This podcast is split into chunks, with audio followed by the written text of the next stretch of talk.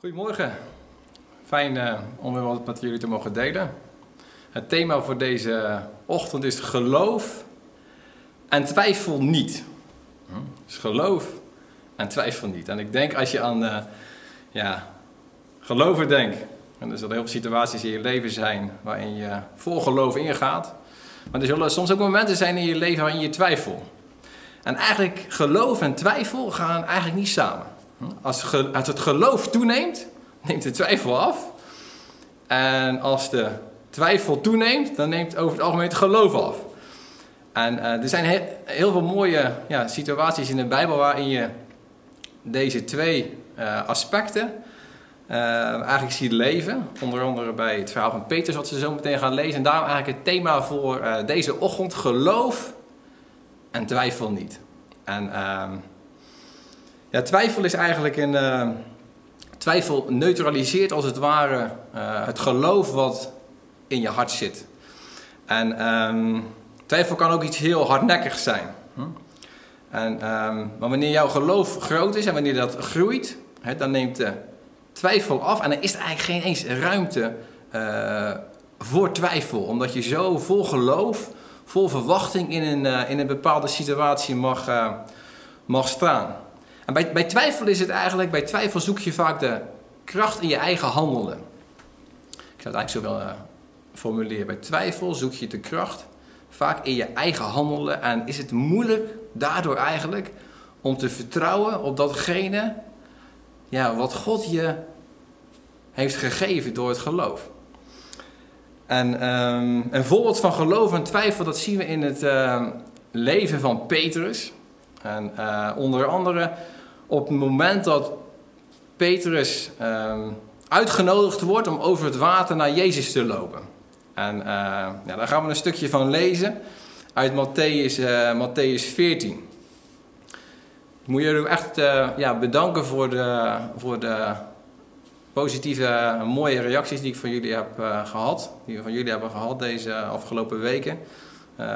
Met, met, betrekking tot onze verhuizing naar, naar Biervliet. Uh, voor ons is het ook echt een stap in, uh, in geloof geweest. Dus dit thema heeft me eigenlijk ook wel uh, op die manier heel erg bezig gehouden. de, afgelopen, de afgelopen maanden. En nou, daar zal ik in de preek misschien nog een paar keer op, op terug gaan komen. De wonderbare spijziging is net geweest. En de discipelen die varen naar de overkant van het meer. En ze komen op een gegeven moment komen ze in nood. Een wind steekt op, een storm komt eraan. En ze zitten daar zo in hun bootje en raken enorm in paniek. En, uh, maar wie komt daar opeens aangewandeld over het water? Het is Jezus. En op het moment dat ze dat zien, um, zegt uh, Petrus, Petrus antwoordde hem, in Matthäus 14, vers 28, Petrus antwoordde hem en zei, Heere, als u het bent, Geef mij dan bevel over het water naar u toe te komen. Wat zegt Jezus? Hij zei: Kom. En Petrus klom uit het schip en liep op het water om bij Jezus te komen. Maar toen hij, bij de sterke, toen hij op de sterke wind lette, werd hij bevreesd. Werd een beetje bang. En toen begon hij te zinken. Toen riep hij: Heere, red mij! Jezus stak meteen zijn hand uit greep hem vast en zei tegen hem: Kleingelovige, waarom hebt u getwijfeld? En toen ze in het schip geklommen waren, ging de wind liggen. Zij die in het schip waren, kwamen hem aanbidden en zeiden werkelijk: U bent de zoon van God. Ik weet niet of je daar een beetje een voorstelling van kan maken, maar Petrus, die, eh, de discipelen die Jezus over het water zien komen lopen naar hen, naar hen toe. En uh, Petrus die zegt van, Heer, als u mij uitnodigt, als u zegt kom, dan kom ik naar u toe. En uh, Petrus zonder, zonder twijfel, uh, vol geloof, van Heer, als u het zegt, dan kom ik ook echt. En toen Petrus uit dat bootje stapte, was niet zo van, jongens, even kijken, even kijken, werkt dat echt? Gaat dat echt werken of ga ik er doorheen zakken? Nee, hij stapte uit de boot, liep naar Jezus toe. Maar toen gebeurde het. Toen zegt Matthäus, maar toen hij de sterke wind zag, toen hij op de sterke wind lette, werd hij bevreesd. Toen hij op de sterke wind lette, werd hij bevreesd. Dus continu waren eigenlijk zijn ogen gericht op Jezus. En wist hij van, ik kan gewoon naar Jezus toe lopen. Ik ga niet door het water zakken. Maar toen hij even niet op Jezus lette. En toen zijn aandacht eigenlijk afdwaalde naar de storm en naar de harde wind. Veranderde zijn geloof in angst. En van die angst kwam eigenlijk de twijfel. Hij dacht, hoe kan ik nou over het water lopen? Hoe is dat nou, hoe is dat nou mogelijk? En dat is zo mooi, hè? dat Jezus niet uh, Petrus dan maar eventjes uh, flink laat, uh, laat zakken in dat water. Nee, op het moment dat Petrus begon te zinken, riep hij, Heere, red mij. En Jezus stak, staat er zo mooi, Jezus stak meteen zijn hand uit. En zei tegen hem, kleingelovige, waarom hebt u getwijfeld? Met andere woorden, Petrus, er is helemaal geen reden geweest dat jij hebt moeten twijfelen aan dat jij over het water kon lopen. En um, nou, uiteraard uh, zullen er in Petrus uh, zijn hart een hoop ja, gedachten hebben gezeten, een hoop twijfel zijn geweest, ook misschien wel een hoop, een hoop strijd, dat hij uiteindelijk door het water heen zakte. Maar gelukkig, uh, Jezus heeft zoveel geduld met jou, met mij. En dat zien we ook in het leven van Petrus. Uh, Petrus die Jezus zelfs tot driemaal toe heeft verlogend. Maar Petrus die een volgeling mocht zijn van, uh, van Jezus. En misschien is er in jouw leven soms ook wel eens enorme ja, tegenstand. Is er misschien wel eens enorme tegenwerking. Is er soms misschien wel eens twijfel over dingen die in je, in je leven gebeuren omstandigheden die, ja, waar je van denkt van wow, past dit nou in mijn, in mijn leven? Hm? Ik wil je bemoedigen door hetgeen wat we vandaag uh, gaan delen door het woord. Om je aan het woord vast te houden. want het woord geeft, geeft, geeft leven, het woord geeft hoop, het woord geeft kracht. En in het woord staan zoveel beloften waar jij en ik je aan vast mogen houden. Dat als wij ons op die beloften richten, die Jezus heeft gegeven, dan zal jij niet twijfelen. Dan zal jouw geloof zal toenemen, want jouw geloof is gebaseerd op wat Jezus zegt in zijn woord. En, daarom vinden wij het zo belangrijk, altijd in de prediking, om het woord uit te leggen. Want we weten dat het woord leven geeft. En wanneer het woord wordt gesproken, dan gaat de Heilige Geest dat gebruiken in jou en mijn hart. En dan worden de zaadjes geplant van, ja, van leven. En dan gaat het geloof in jou hart gaat, gaat groeien. En wanneer het geloof in je hart gaat groeien. En er gebeuren dingen in je leven, je komt door stormen, hè, dan raak jij je geloof niet kwijt, ga jij niet twijfelen, maar sta jij vast op de belofte die Jezus heeft gegeven in zijn woord. En we hebben vorige keer gezegd, bij leven in verwachting, de beloften die je hebt ontvangen zijn ja en amen door het werk van Jezus. Moet je eerlijk zeggen, uh, Petrus die zo uit de boot stapt. Uh, voor mezelf uh, is het eigenlijk ook een beetje, voor ons als gezin, uh, soort van uit onze comfortzone komen en uit de boot stappen en ja, de roeping van God volgen die waar, waar we van ervaren hebben dat die op ons leven ligt om naar, naar Zeeuw-Vlaanderen toe te, toe te gaan. Geloof en twijfel niet. Naarmate het geloof om die stap te maken was toegenomen, ging de twijfel weg. En alle argumenten die we rationeel misschien op een of andere manier hadden bedacht, die sneden geen hout en vervaagden helemaal. En uh, ja, nu mogen we eigenlijk vol in geloof uh, ja, het avontuur aangaan. Om uh, ja, in Zeeuw-Vlaanderen het evangelie van genade te gaan brengen. En we zien er zo ontzettend naar uit. Wat God daarin ja, allemaal gaat, allemaal gaat doen. Dus Peter die op de omstandigheden zag. En misschien is het ook een beetje de menselijke redenatie. Hè? Dat hij denkt van, ja, maar moet je kijken. Ah, het waait. Het stormt. En ik loop over het water. Er gebeuren hier supernatuurlijke dingen. Dat is toch helemaal niet mogelijk? Op het moment dat hij erop ging letten, nam eigenlijk zijn ratio nam het op, op een of andere manier van hem, uh, van hem over. En uh, zijn geloof nam af, zijn twijfel nam toe. En hij zakte zo in het, uh, in het water. Maar Jezus, die in de storm van je leven rust en vrede komt, uh, komt brengen. Wij mogen staan op zijn woord. En ik denk een van de ja, andere verhalen die mij enorm heeft geïnspireerd van, uh, van Petrus, is op het moment dat Petrus uh, heel de nacht heeft gevist en niks heeft gevangen. Kan je je voorstellen, ga je s'nachts vissen, kan je niet slapen. Heb je aan het einde van de dag, heb je, einde van de nacht heb je gewoon niks gevangen. Kom je dan thuis? Zonder visje, zonder inkomen. maar toen gebeurde er iets moois. Dat lezen we in Lucas 5, vers 4. Jezus die aan het, uh, aan het spreken was in de ochtend. Een hele grote menigte die naar hem aan het luisteren was. En zegt Jezus uh, vervolgens tegen Petrus. Toen hij ophield met spreken, zei hij tegen Simon, zei hij tegen Petrus.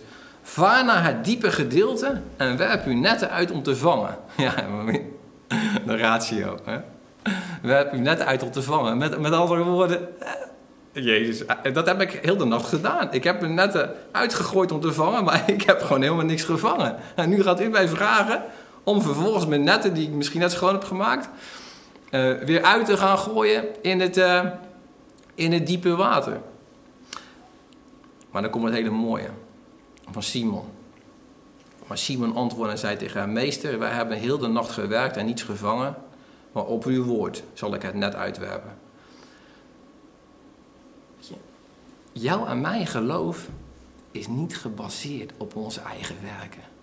Petrus die heel de nacht gezwoegd had, keihard had gewerkt, dat ook nog even moet herhalen naar Jezus toe. Ik heb de hele nacht gewerkt, niets gevangen, je zou er depri van worden. Maar dan zegt Petrus iets heel moois en uh, wat zo enorm cruciaal is. Waarop hij eigenlijk in geloof datgene gaat doen wat Jezus hem opdraagt te doen. Dan zegt hij, maar op uw woord zal ik het net uitwerpen. Dus hij heeft het geloof, hij heeft het vertrouwen in datgene wat Jezus heeft uitgesproken. En wat doet hij? Niet tegenstribbelen. Ik ga datgene doen wat Jezus zegt dat ik moet doen. Ik ga mijn netten opnieuw uitgooien. Op het woord van Jezus. Vrij simpel, hè? Als Jezus zegt, dat, uh, doe dat. Ga, gewoon doen. hoeveel situaties zijn er misschien wel in jou en mijn leven... waarin je in je hart zo ervaart van... ja, dit is echt het juiste moment. Dit, dit, dit, mag ik doen. Uh, omdat ik weet dat, ja, dat God dat vraagt. En niet om daar op een of andere manier heel bang van te worden. Want omdat God het vraagt, dan, eh, dan moet ik het doen. Nee, als, als God iets vraagt, als God een doel, een, een idee met iets heeft... dan weet je, dan is dat ja, een geweldige situatie om juist zijn zegen als het ware te, uh, te mogen ontvangen. En ik denk ook een situatie waarin je hem van een hele nieuwe kant mag gaan uh, leren zien en leren kennen. Want dat gebeurt uiteindelijk bij Peters. Nadat hij gedaan had wat Jezus had gezegd, nadat zij dat gedaan hadden, vingen zij een grote hoeveelheid vissen en hun netten begonnen te scheuren. Ik weet niet hoe vaak het is gebeurd dat de netten van Peters gescheurd waren. Maar uh, misschien dat ze wel eens gescheurd waren als ze ergens op de grond tegenaan kwamen, tegen een wrak of wat dan ook. Maar nu waren hun netten aan het scheuren omdat ze zoveel vis hadden gevangen door hetgeen wat Jezus had gezegd. Dus Petrus, die datgene doet wat Jezus zegt, ontvangt een enorm, is eigenlijk deel van een enorm uh, wonder wat daar gebeurt op het meer. En dat mag ook in jouw en mijn leven zijn. Jouw geloof mag gefundeerd zijn op de belofte van Jezus. Jouw geloof en mijn geloof hoeft niet gebaseerd te zijn op onze eigen werken, op onze eigen kunnen. Maar jouw en mijn geloof mag gebaseerd zijn op het verbrachte werk van Jezus. En dat we daarin gaan staan en dat je weet dat je daarmee ook gezegend ben. Je hele leven. In de situatie waar je in mag zitten. Um, in de dingen die je misschien meemaakt. God heeft jou op het oog en God wil jou zegenen. Daar gaan we zo meteen nog een aantal voorbeelden van, uh, van zien, onder andere in het leven van Abraham. Petrus, wat maakte hij mee? Supernatuurlijke voorziening. Weet je, als wij handelen naar hetgene wat God zegt in zijn woord, dan gaan er supernatuurlijke dingen gebeuren. Dat geloof ik echt. Want Jezus heeft het verlangen om, dat, om dingen door jou en mij te doen, zodat de wereld zal zien wie Hij daadwerkelijk, daadwerkelijk is. Geloof. En twijfel niet. Weet je, geloof brengt zegen in je leven. Geloof brengt geen ongeluk in je leven. Geloof brengt zegen in je leven. Heel cruciaal om even, even bij stil te staan. Doordat jij gelooft in Jezus, ben je niet alleen gered. Nee, brengt dat zegen in je leven. Op alle gebieden. Dan gaan we van lezen in, uh, in onder andere Galaten 3, vers 7. Begrijp dan toch dat zij die uit het geloof zijn, Abrahams kinderen zijn.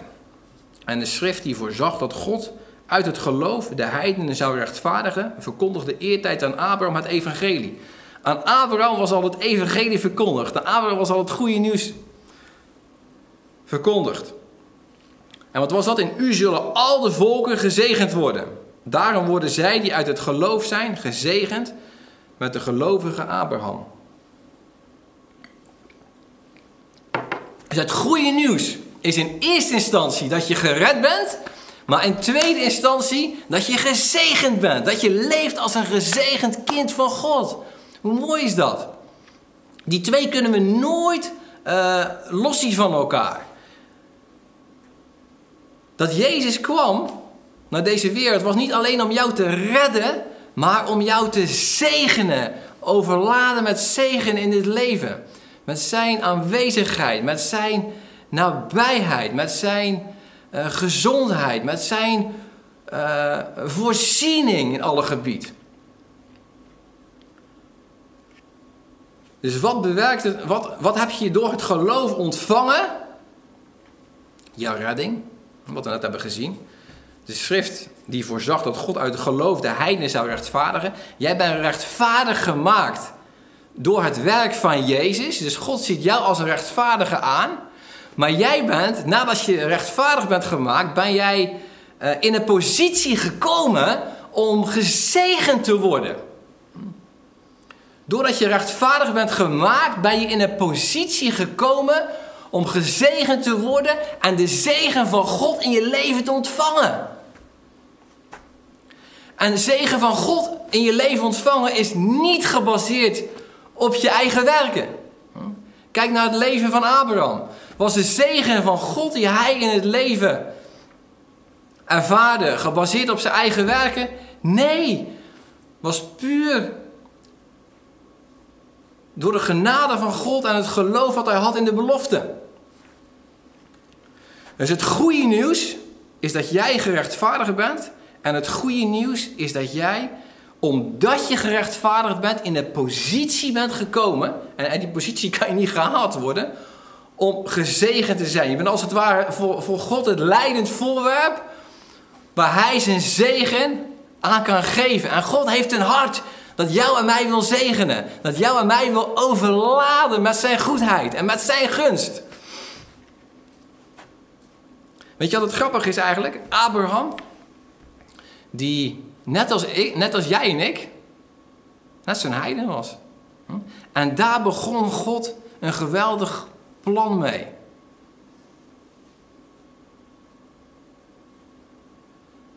Abraham die nergens gebrek aan had. Absoluut geen gebrek.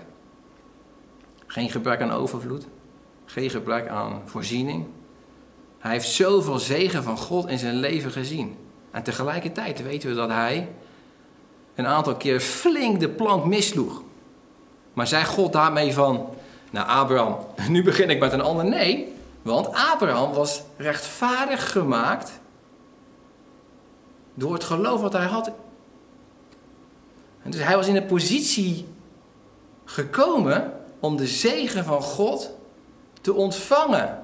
dus ondanks dat hij een, een, aantal keren heeft gelogen, dat hij zei van ja, Sarah is mijn zus. En daarvoor voor hele vervelende dingen komt te staan door die leugen. Zei God niet van nou nu ben je niet rechtvaardig meer, nu kan je mijn zegen niet meer ontvangen. Nee, Abraham die bleef staan in die rechtvaardige positie.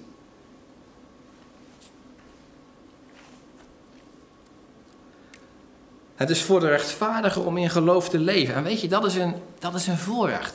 Als je rechtvaardig bent gemaakt, dat je in geloof mag leven, dat je in geloof uh, stappen mag maken, dat je in geloof uh, avonturen mag, mag aangaan. En uh, ik denk dat ja, Paulus dat heel scherp stelt. Wanneer hij dan op een duur verder zegt in Galaten 3, vers 10. Want alle die uit de werken van de wet zijn, zijn onder de vloek. Er staat immers geschreven: Vervloekt is ieder die niet blijft bij, wat, bij alles wat geschreven staat in het boek van de wet, om dat te doen. En dat door de wet niemand gerechtvaardigd wordt voor God, is duidelijk. Want de rechtvaardige zal uit het geloof leven. Weet je, dat is zo'n logische stap. De rechtvaardige zal uit het geloof leven. Dus wanneer je rechtvaardig bent gemaakt, dan geef je je volledig over aan Jezus. En ga je leven in geloof, ga je leven in verwachting, ga je leven in afhankelijkheid. En ga je niet je leven bouwen op je eigen werken, ga je niet je leven bouwen op je, op je eigen kunnen, ga je niet je leven bouwen op je eigen capaciteiten, maar ga je leven in geloof. Maar voor de wet is het niet uit geloof. In vers 12. Maar de mens die deze dingen doet, zal daardoor leven. En dan komt Paulus tot de conclusie in vers 13. En dan zegt hij: Christus heeft ons vrijgekocht van de vloek van de wet. Door voor ons een vloek te worden. Want er staat geschreven: Vervloekt is ieder die aan een hout hangt. Opdat de zegen van Abraham en Christus Jezus tot de heidenen zou komen. En opdat wij de belofte van de geest zouden ontvangen voor het geloof. Door het geloof. Vervloekt is ieder die aan een hout hangt. Weet je, Jezus heeft de vloek voor jou en mij op zich genomen. Waarom? Omdat de zegen van Abraham, zegt Paulus, in Christus Jezus tot de heidenen zou komen. Dat de zegen van God op jouw leven zou rusten. En hoe is die zegen van God in jouw leven gekomen? Doordat Jezus de vloek volledig op zich heeft genomen zodat jij in zegen kon leven. Mocht je misschien soms geen zegen in je leven ervaren, weet je, ga daar gewoon weer naar terug. Jezus heeft de vloek op zich genomen. Daardoor ben jij volledig rechtvaardig gemaakt. Daardoor ben je in de positie gekomen om zijn zegen, om zijn onverdiende gunst te ontvangen. Probeer niet zijn gunst te ontvangen door je eigen werken, door dingen van het vlees. Maar probeer in een, in een positie te komen en ontvankelijk te zijn voor datgene wat God aan jou wil geven. De zegen van God kan je niet verdienen. Weet je, de dingen die in, onder andere in Deuteronomium 28 eh, staan. Over de, de zegen die op jouw leven rust wanneer de vloek is weggenomen. Wanneer de vloek is weggenomen, blijft de zegen over. Dus het is de only thing left. Het enige wat over is gebleven. Vloek weg, dan zegen. En wat is dat onder andere? Een aantal dingen die onder andere in Deuteronomium 28 staan. Dat gezegend bij komen, gezegend bij het weggaan. De Heere zal zegen over uw gebieden. Wow. De Heere zal zegen over jouw leven gebieden. Al wat je ter hand neemt, zal hij zegenen. Oeh. Al wat je ter hand neemt, zal hij zegenen. Niks uitgezonderd. Hetgene wat jij doet, dat zal hij zegenen. Vele volken zal je uitlenen. En je zal niet hoeven te lenen. Wow, dat is in onze, in onze tijd wel een, uh, een enorm uh, uh, verschil als we dit zo zien. Hè? Hoeveel, hoeveel, hoe vaak zit je met schulden? Hoe vaak zit je met moeilijkheden in financiën? Hoe, hoeveel hoeveel vervelende situaties kunnen er zijn als het gaat om financiën? En zelfs in dat, in dat punt is God zo praktisch dat hij zegt: van hetgeen, wanneer ik je overlaat met zegen, dan zal jij niks tekort komen. Zal jij niet hoeven te lenen van de wereld. Maar zal jij de mogelijkheid zelfs hebben om geld uit te lenen. Jij bent geliefd. Jij bent Gods oogappel.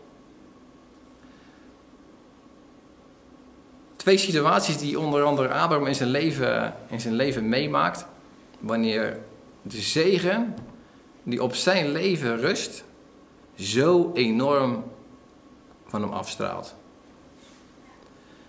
En dat lezen we onder andere in Genesis 21, vers 22. Het gaat over die Abimelech, die, uh, onder andere de koning die hij een keer uh, heeft voorgelogen. In Genesis 21, vers 22. Het gebeurde in die tijd dat Abimelech met Pichol, zijn legerbevelhebber, tegen Abraham zei. Dat zei een, een buitenstaander tegen Abraham. Hè? God is met u bij alles wat u doet. Zo, mooi is dat? God is met u bij alles wat u doet. Dat is niet uh, dat Mozes dat zat te prediken naar die Abimelech. Nee, Abimelech en die andere persoon, die Pichol, die wisten van Gods zegen rust op het leven van Abraham. God is met u bij alles wat u doet. En jij bent gezegend met diezelfde zegen. God is met jou bij alles wat je doet. God is bij jou. God is met jou. God is daar om jou te helpen. God is daar dat, jij dat, dat, dat jouw handen tot een zegen mogen zijn. Op de plekken waar jij komt, dat jij iets van Gods goedheid en van Gods genade mag laten zien. Dat mensen op een nu zullen zeggen: oh, wat, er in, wat er in het leven van, van die persoon is, dat, dat is wel zo apart. Dat ze hetzelfde zullen zeggen. God is bij hem. En alles wat hij doet, alles wat hij doet, lukt gewoon ook nog. Alles wat hij onderneemt, gelukt. Een belofte die God geeft in zijn woord. Alles wat jij onderneemt, zal gelukken. God is bij jou. God is met jou in alles wat je doet.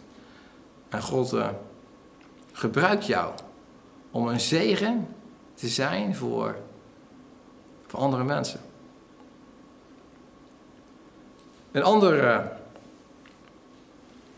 een andere keer, wanneer uh, er iemand tegen Abraham zegt, in Genesis 23, vers 6. Maar luister, Heer, wij beschouwen u als een vorst die door God zelf begunstigd wordt. Wij beschouwen u, Abraham, als een vorst die door God zelf begunstigd wordt. Begunstigen, hè? lekker zo'n oud, zo'n oud Nederlandse woord. Maar dat is als het ware de gunst die op jouw leven rust, Abraham.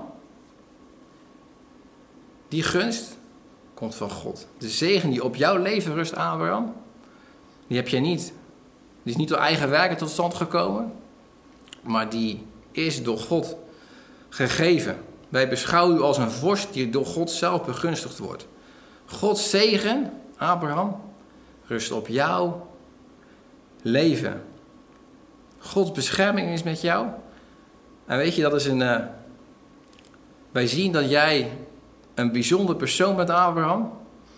En alsof jij als het ware een privilege hebt bij God. En dat is hetzelfde wat jij en ik ook hebben. Doordat jij in de positie bent gekomen waarin je gered bent, ben je in de positie gekomen om de zegen van God te ontvangen. En God is erop uit om jou ja, te overladen met zijn zegeningen. Zegt het woord. En weet je, ik weet niet wat je, of je idee wat overladen is. Nou, overladen is niet zomaar een beetje, een beetje karig.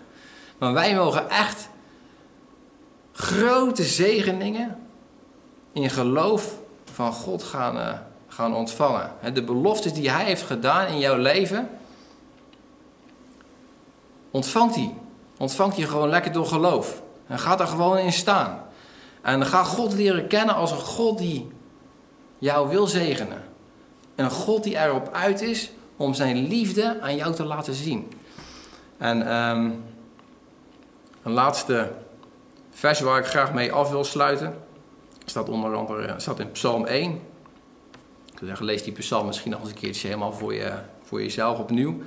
Staat, welzalig de man die niet wandelt in de raad van de goddelozen, die niet staat op de weg van de zondaars, die niet zit op de zetel van de spotters, maar die zijn vreugde vindt in de wet van de Heer en zijn wet dag en nacht overdenkt. Want hij zal zijn als een boom geplant aan waterbeken, die zijn vrucht geeft op zijn tijd, waarvan het blad niet afvalt. Al wat hij doet, zal gelukken. En wanneer jij het, uh, het woord ontvangt en dat, uh, dat geloof gaat voortbrengen in je leven,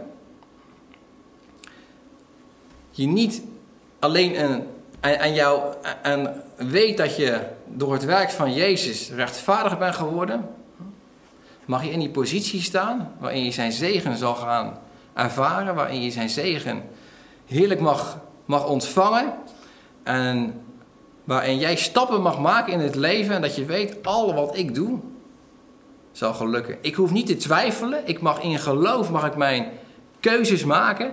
Ik mag in geloof mag ik eh, stappen zetten. En misschien kijk je wel en denk je van ja, ik zit eigenlijk best wel met behoorlijke uitdagingen moet ik dit nou wel doen? Moet ik dit nou, moet ik dit nou niet doen? Moet ik deze stap misschien nou wel maken? Moet ik deze stap misschien nou niet maken? Moet ik nog een bevestiging vragen? Moet ik misschien nog even wachten? Moet ik misschien nog even verder zoeken? Moet ik misschien nog even verder nadenken? Ik geloof dat God jouw wijsheid gaat geven daarin. Dat wanneer jij een keuze maakt in de situatie waar je op dit moment in zit, dat je weet, dit is de juiste keuze. Ik ga deze stap in geloof ga ik, uh, ga ik zetten. En ik weet dat wanneer ik dat heb gedaan, dat God het werk van mijn handen zal zegenen en dat God met mij is. Geloof je dat? Wil je dit aannemen deze, deze ochtend? God is bij jou met alles wat je doet. Daar wil ik mee afsluiten. Neem dat mee voor deze week. Herhaal dat misschien nog een paar keer voor jezelf uh, vandaag. God is bij mij in alles wat ik doe. Ontvang dat. Heer, we danken u dat u bij ons bent in alles wat we doen. Heer, dank u wel dat u zegen op ons leven rust. Dank u wel dat we in een positie zijn gekomen waarin we uw zegen mogen ervaren. Waarin we uw overvloedige zegen mogen ervaren waarin we uw goedheid mogen zien in hetgeen we meemaken in het leven, in de situatie waar we doorheen gaan. Heer, dat, er, dat u degene bent die ons continu weer opbeurt, dat u degene bent die ons continu weer moed geeft, dat u degene bent die ons continu weer kracht geeft. En Heer, dan willen we u danken en willen we u bidden, Heer, dat we, uh, net zoals Petrus uit die boot mogen stappen en naar u toe mogen rennen. Maar dan niet meer hoeven te zinken, maar dat we in het volle geloof naar u toe mogen gaan, u mogen omhelzen en uh, ja, een geweldig leven en geweldige stappen mogen maken. Heer, we danken u dat u het beste met ons voor hebt. We danken u dat uw zegen op ons leven, op ons leven rust. En met die zegen mag ik jullie ook zegenen deze, deze ochtend. In Gods zegen, zegt het woord, is alles gelegen. Jij en ik, wij zijn afhankelijk van de zegen van God op ons leven. En die zegen van God heb jij ontvangen door het werk van Jezus. Die zegen van God kan je niet voor werken, kan je helemaal niet voor doen. Maar God is erop uit om jou te zegenen. En niet zo'n beetje ook. Hij zal jou, zijn zegen, zegt het woord, is, is overvloedig en zijn zegen kent geen grens. En daar wil ik je mee zegenen voor deze week. Dat dat een realiteit mag zijn in elke stap die je maakt, in elke situatie waar je deze week in komt. Dat jij ook tot een zegen mag zijn in Jezus' naam.